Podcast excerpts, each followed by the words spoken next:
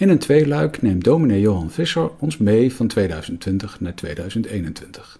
Dit is het tweede deel. Opgenomen op nieuwjaarsmorgen, 1 januari 2021, in de Noorderkerk te Amsterdam. Voorganger is dominee Johan Visser. We lezen vanmorgen uh, verder uit Openbaring 1, waar we gisteravond uh, mee begonnen waren. We beginnen nu bij vers 9 en we lezen tot het einde van het hoofdstuk, vers 20. En dat is een openbaring, een, een, een verschijning van, uh, van Christus in een visioen aan, aan Johannes. Openbaring 1, vers 9. Ik, Johannes, die ook uw broeder ben en deelgenoot in de verdrukking en in het koninkrijk en in de volharding van Jezus, was op het eiland genaamd Patmos, omwille van het woord van God en het getuigenis van Jezus Christus. En ik was in de geest op de dag des Heren en ik hoorde achter mij een luide stem als van een bazuin, die zei, ik ben de Alpha en de Omega, de eerste en de laatste. En wat u ziet, schrijf dat op, een boekrol en stuur het aan de zeven gemeenten die in Azië zijn. Naar Efeze, naar Smyrna, naar Pergamus, naar Thyatira, naar Sardis, naar Philadelphia en naar Laodicea. En ik keerde mij om om de stem te zien die met mij had gesproken. En toen ik mij had omgekeerd, zag ik zeven gouden kandelaren. En te midden van de zeven kandelaren zag ik iemand die op de zoon des mensen leek gekleed in een gewaad tot op de voeten en op de borst omgord met een gouden gordel. En zijn hoofd en zijn haren waren wit, als witte wol, als sneeuw. En zijn ogen waren als een vuurvlam. En zijn voeten waren als blinkend koper, gloeiend gemaakt in een oven. En zijn stem klonk als het geluid van vele wateren. En hij had zeven sterren in zijn rechterhand. En uit zijn mond kwam een tweesnijdend scherp zwaard. En zijn gezicht was zoals de zon schijnt in haar kracht. En toen ik hem zag, viel ik als dood aan zijn voeten. En hij legde zijn rechterhand op mij. En zei tegen mij, wees niet bevreesd. Ik ben de eerste en de laatste.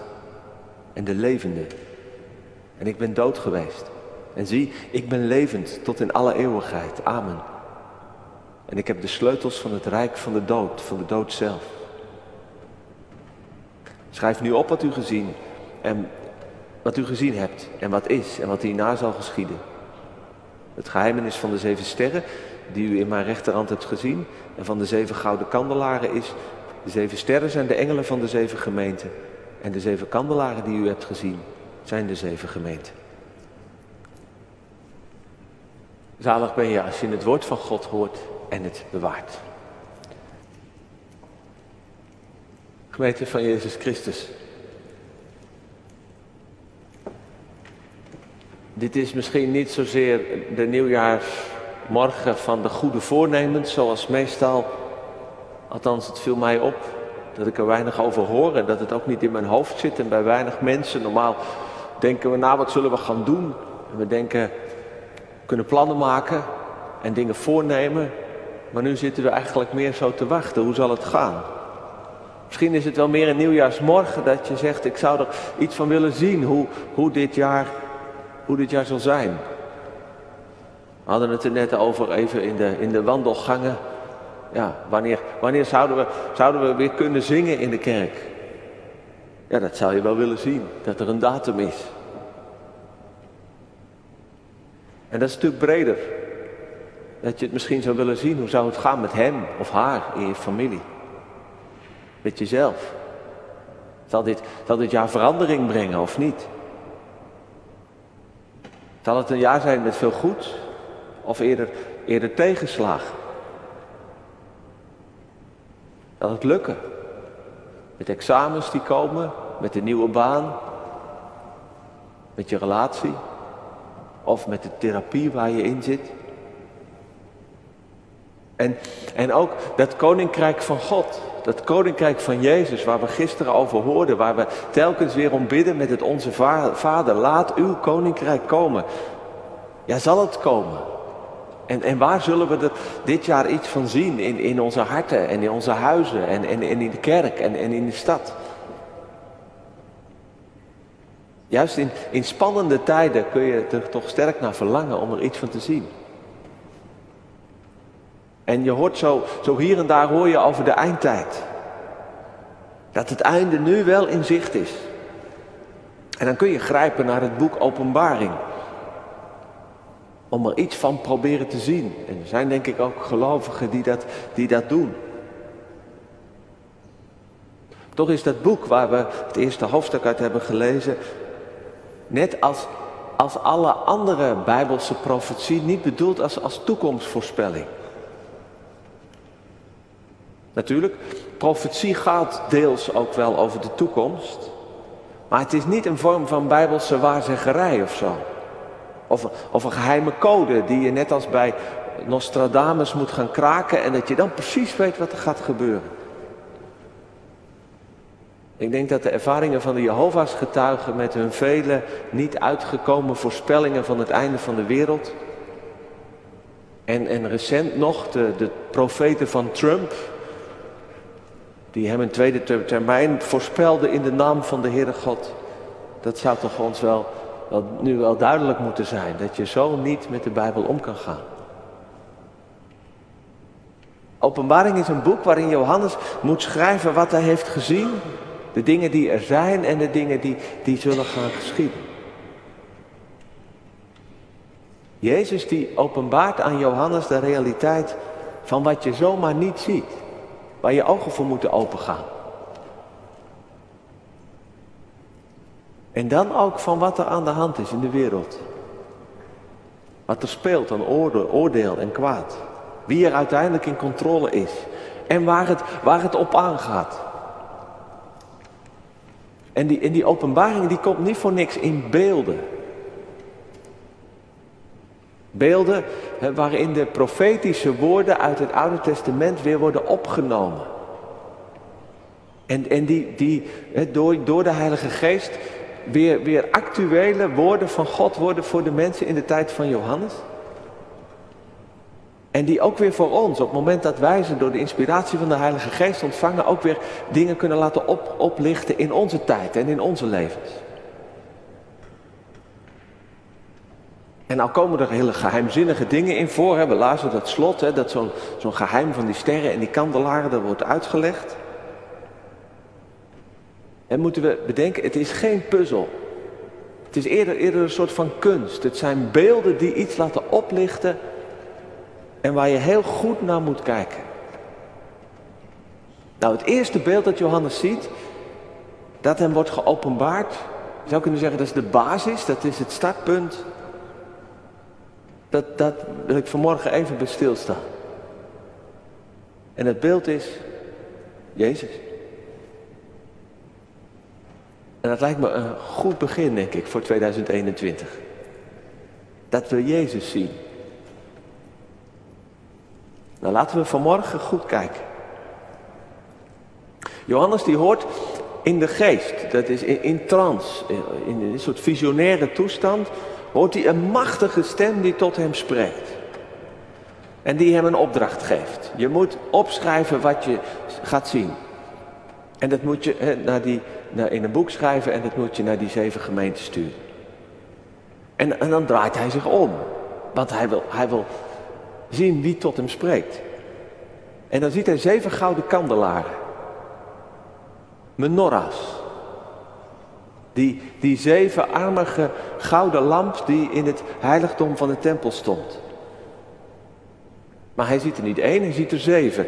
Dus dit is niet de gewone tempel, maar dit is het volmaakte hemelse heiligdom. En hij ziet iemand die op een mensenzoon lijkt. Dus een gestalte van een mens. In een priesterkleed. Het Griekse woord, het verwijst naar de kleding van, van de priesters. Met een gouden gordel om. Een priester tussen de menorahs.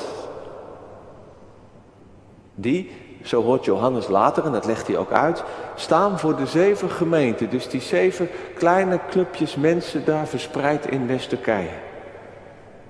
En je moet je denk ik voorstellen dat dit wordt voorgelezen. Dat is de bedoeling. Dan begint het boek ook mee zalig degene die voorleest en de mensen die horen. En, en die mensen die, die zitten te luisteren. En, en, en die zien ook die machtige, heilige priesterfiguur tussen die kandelaren.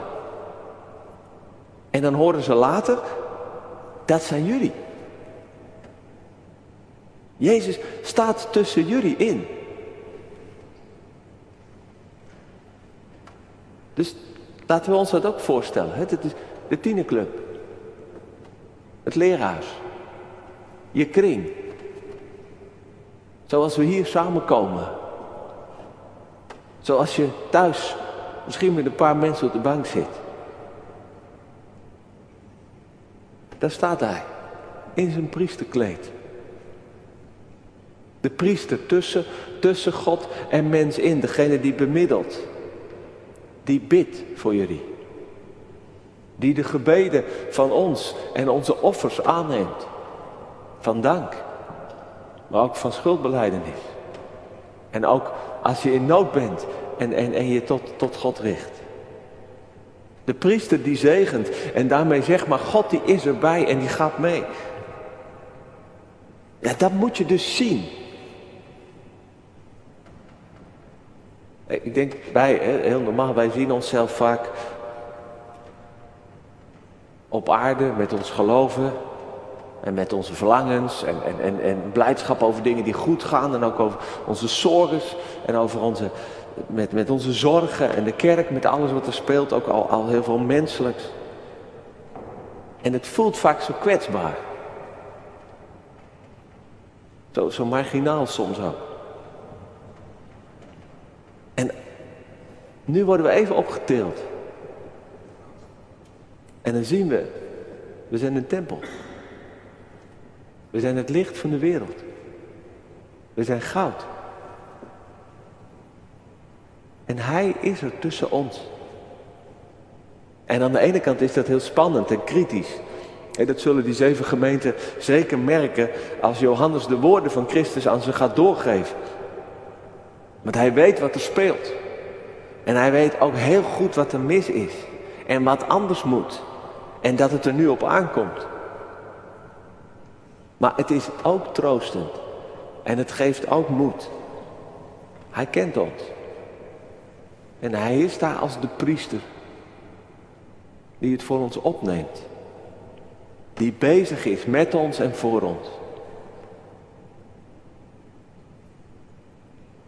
En Johannes die ziet nog wat meer. En die gestalte van Jezus, die, die hij ziet, die komt uit twee visioenen van Daniel. Ik zei gisteren al, hè, bij, bij Johannes zitten zoveel woorden van God, die kan de geest gewoon, gewoon, gewoon, gewoon ophalen. En, en, en die, die gebruikt hij om dat nieuwe visioen te geven. Het zijn twee visioenen van Daniel. De ene, dan ziet Daniel iemand als een mensenzoon bij God. Die Daniel ziet als de oude vandaag op de troon verschijnen. En Daniel ziet God met helemaal wit als sneeuw en met haar als witte wol. En dat goddelijke gezicht, dat is in het visioen van Johannes, is het het gezicht van, ja, van Jezus geworden. Hij is het beeld van God. En het andere visioen dat, dat een rol speelt is de verschijning van een grote engel, Gabriel wellicht. Die Daniel ziet met voeten als glanzend koper en ogen als een vuurvlam. Nou, je kunt helemaal gaan zoeken in de Bijbel wat het allemaal betekent en gaan puzzelen, maar volgens mij moet je niet te veel puzzelen met openbaring. Je moet vooral kijken. Gewoon kijken naar deze figuur. Zuiver wit. Als de sneeuw. Ja, zal Nederland ooit nog bedekt raken onder zo'n deken van zuiverheid en licht en pure schoonheid? Ik kan ernaar verlangen. Wit. Niet als het witte ras, maar, maar, maar wit als wol en sneeuw. Die pure, volstrekte, heilige, zuivere liefde. Zo straalt Christus. En aan het eind zegt, zegt Johannes, fluistert hij eigenlijk als de zon in haar kracht. Dus een, een gezicht als de zon. Daar kun je niet in kijken. Je wordt blind, het licht is te fel en je valt als dood op de vloer. Maar toch schijnt hij en hij verlicht en hij verwarmt. En die ogen in het gezicht, die, die branden als vuur.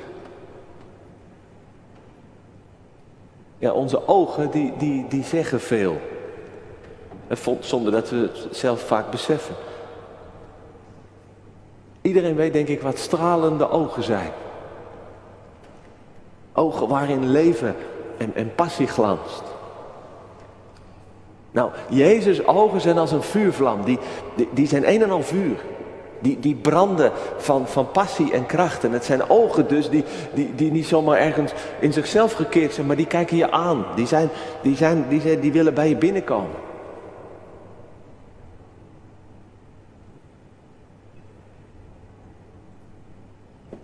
En zijn stem die schalt als een trompet.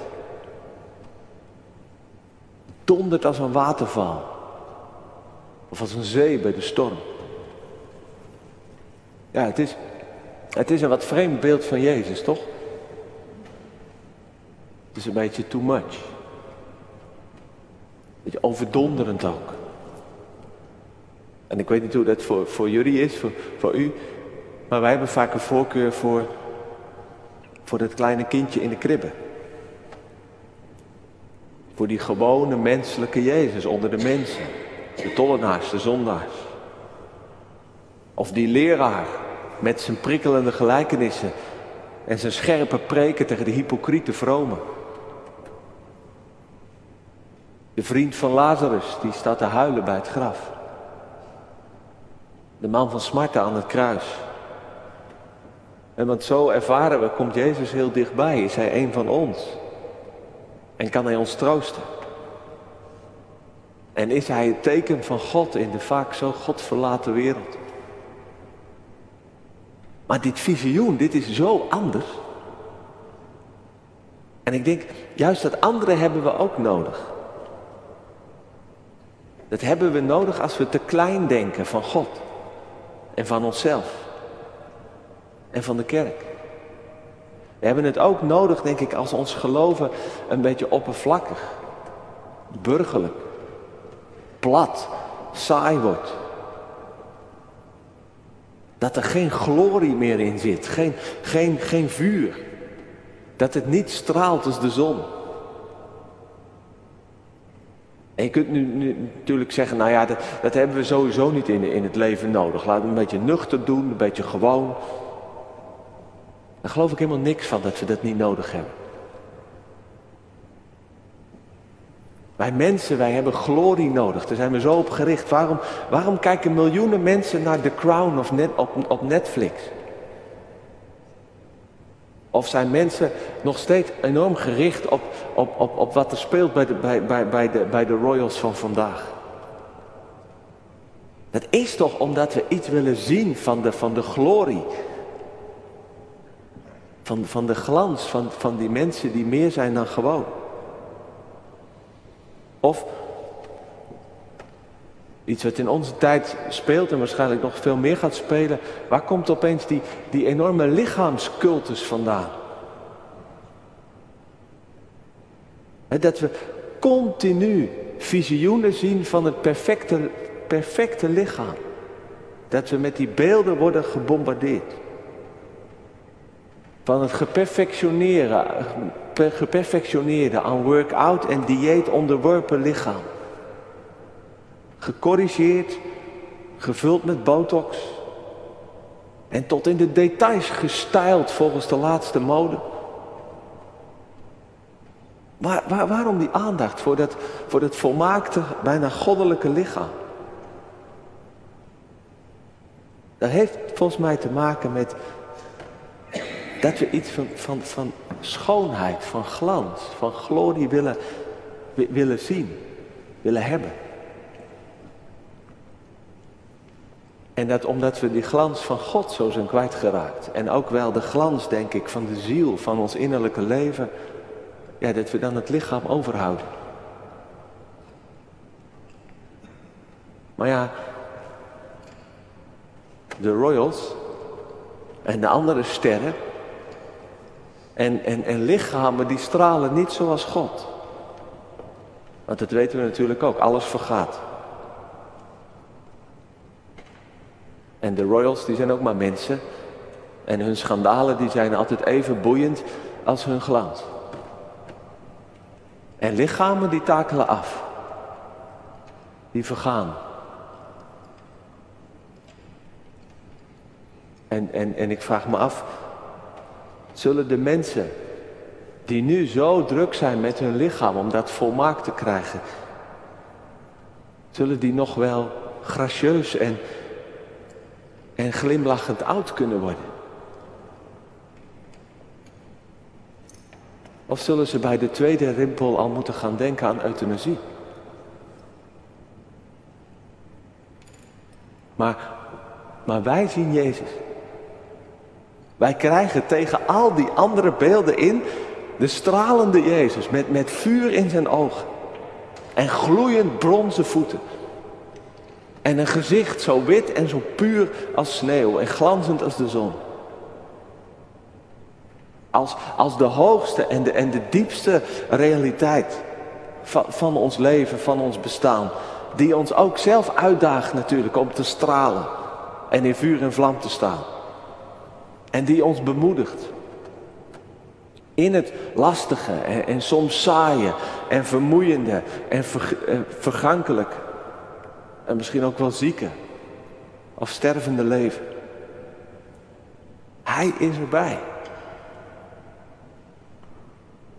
Hij is erbij, klein als het kind in de kribbe. Hij is erbij, menselijk, als, als, als, als de Jezus van Galilea. Hij is erbij, leidend, als de man van Golgotha. Maar ook stralend en levend als de zon van God. En dat, dat beeld, dat moeten we zien, dat mogen we zien. En misschien moet, moet jij, moet, moet u aan het begin van dit jaar wel je aan dit beeld vastklampen. En het opslaan in je hoofd en in je hart. Deze stralende mensenzoon is erbij als de, als de eerste en de laatste. En hij heeft de sleutels van de dood. Omdat hij zelf dood is geweest. En de deur heeft geopend en leeft. Maar, maar hoe is hij, hij er dan bij? En nog even één keer kijken naar het visioen. Het is het moeilijkst voorstelbare. En ook als je plaatjes ziet van dit visioen, is het bijna niet, niet, niet uit te beelden. Uit zijn mond komt een zwaard. Een tweesnijdend scherp zwaard. En in zijn hand heeft hij zeven sterren. En dat zijn, dat, dat wordt, wordt Johannes gezegd, dat zijn de, de engelen van de gemeente. En die twee stukjes van het visioen, die, die laten iets zien van dat Jezus erbij is door zijn woord. Want het zwaard komt uit zijn mond. Het gaat over zijn spreken. En die sterren, dat is voor de mensen van de eerste eeuw direct duidelijk. De sterren, dat, ja, die vertellen iets van de geheimen van, van, het leven en van de toekomst. Tot op de dag van vandaag, met, met de horoscopen en zo. Dat het idee is, de sterrenwereld, die, die, daarin zit iets van wat, wat er gaat gebeuren. Nee, Jezus heeft die sterren in zijn hand. En die sterren, dat zijn de engelen van de gemeente. Dat zijn of engelenwezens door wie Jezus communiceert, of het zijn de leiders of de profeten van de gemeente. Maar hoe dan ook, dat zijn degenen door wie Jezus spreekt.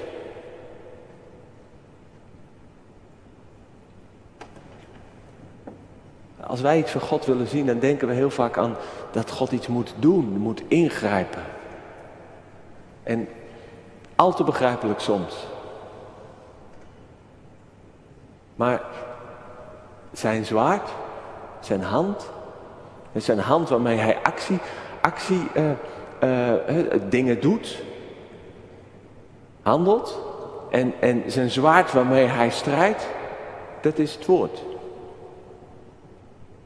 Niet in de eerste plaats het zwaard van, helemaal niet het zwaard van geweld, van wapens. Maar ook niet het zwaard van ah, menselijke organisatie en actie. Maar in de eerste plaats het woord. En dat is scherp. Daardoor spreekt hij, geeft hij richting, maakt hij dingen helder. En het gaat diep en legt dingen in je leven bloot en dingen in de wereld bloot.